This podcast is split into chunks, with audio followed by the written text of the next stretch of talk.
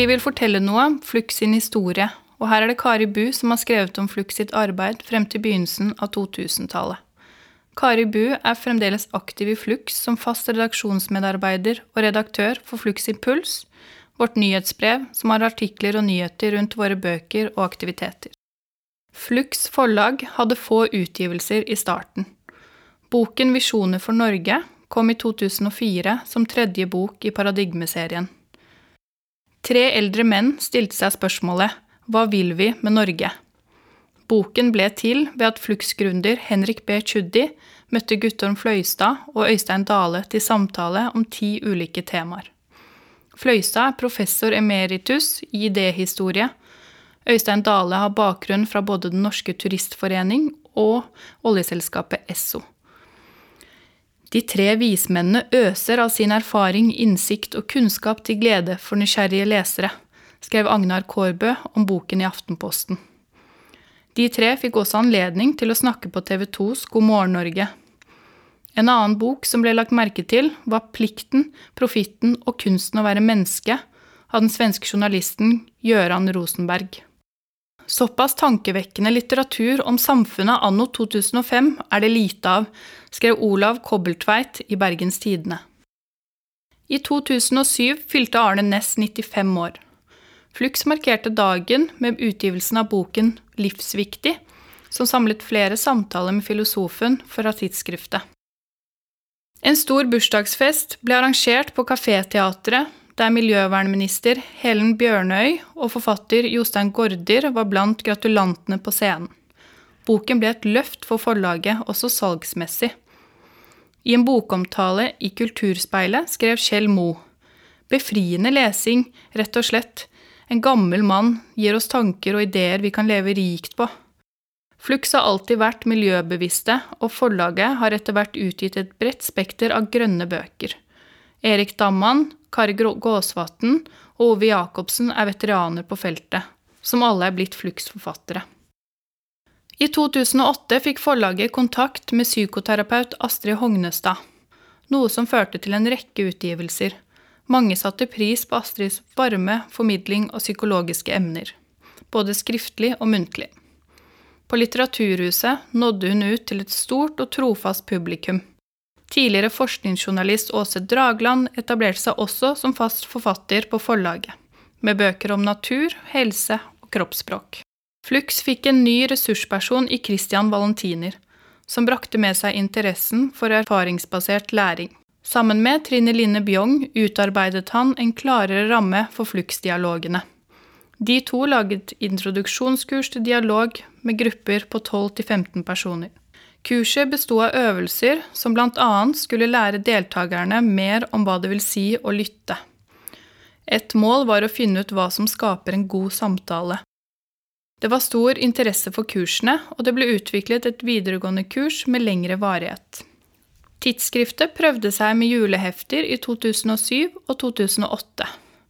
Inspirasjonen kom fra gamle hefter der kjente forfattere og illustratører bidro. Det var lett å rekruttere talentfulle bidragsytere, og Norges fremste avisillustratører ble med på en tegnestafett. Like lett var det ikke å konkurrere med alle andre juleheftene på markedet, og tidsskriftet ble stadig tyngre å drive økonomisk. I 2009 kom siste papirutgivelse og første utgave av Flux magasin på nett. Med det fulgte et elektronisk nyhetsbrev. En fast leser av dette kontaktet Flux i 2015 og lurte på om det var mulig å få til et samarbeid med kriminalomsorgen. Trine Line Bjong foreslo fengselsdialog, noe som ble godt mottatt. Det viste seg at Prison Dialogue var et etablert konsept i England, der Flux kunne søke råd. Et av rådene var å ha dialoggrupper med ansatte og innsatte i samme gruppe. Dette fordi det er mange misforståelser og antagelser begge veier. Her trengtes det et rom for å bli bedre kjent og bygge ned fordommer. I fengsel lærte Flux at folk har mye til felles selv om rollen deres er helt ulike. I 2017 ble den ideelle foreningen Flux Dialog etablert, og dialogprosjekter har startet opp også på ungdomsskoletrinn og i rusomsorgen. Prosjektene får støtte fra eksterne stiftelser og fond. På forlaget kom boken Dialog en praktisk veileder av Lisa Hannevig og Marjorie Parker i 2012. Tidsskrift for Den norske legeforening omtalte den slik. En titt i denne boken neste gang du flyr, kan kanskje forandre livet ditt hvis du praktiserer det du leser. Senere har det blitt flere dialogbøker, deriblant klassikeren Om dialog av David Boom.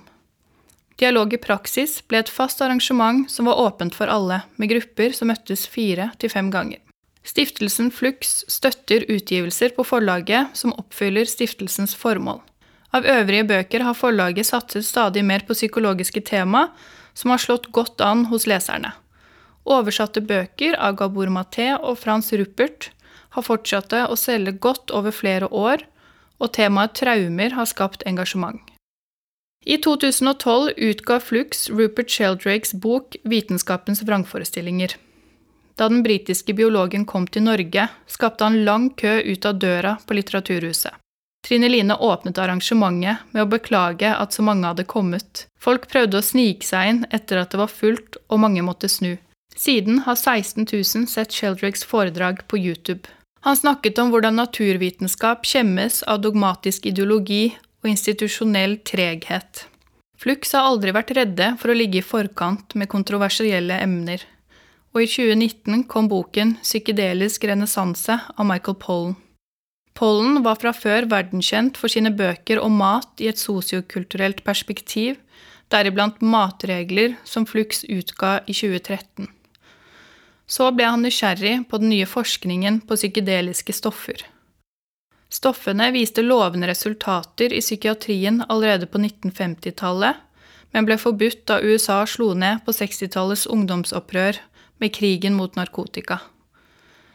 Pollen traff terapeuter som hadde gått under jorda, og forskere som snakket om et nytt paradigme i behandlingen av psykiske lidelser.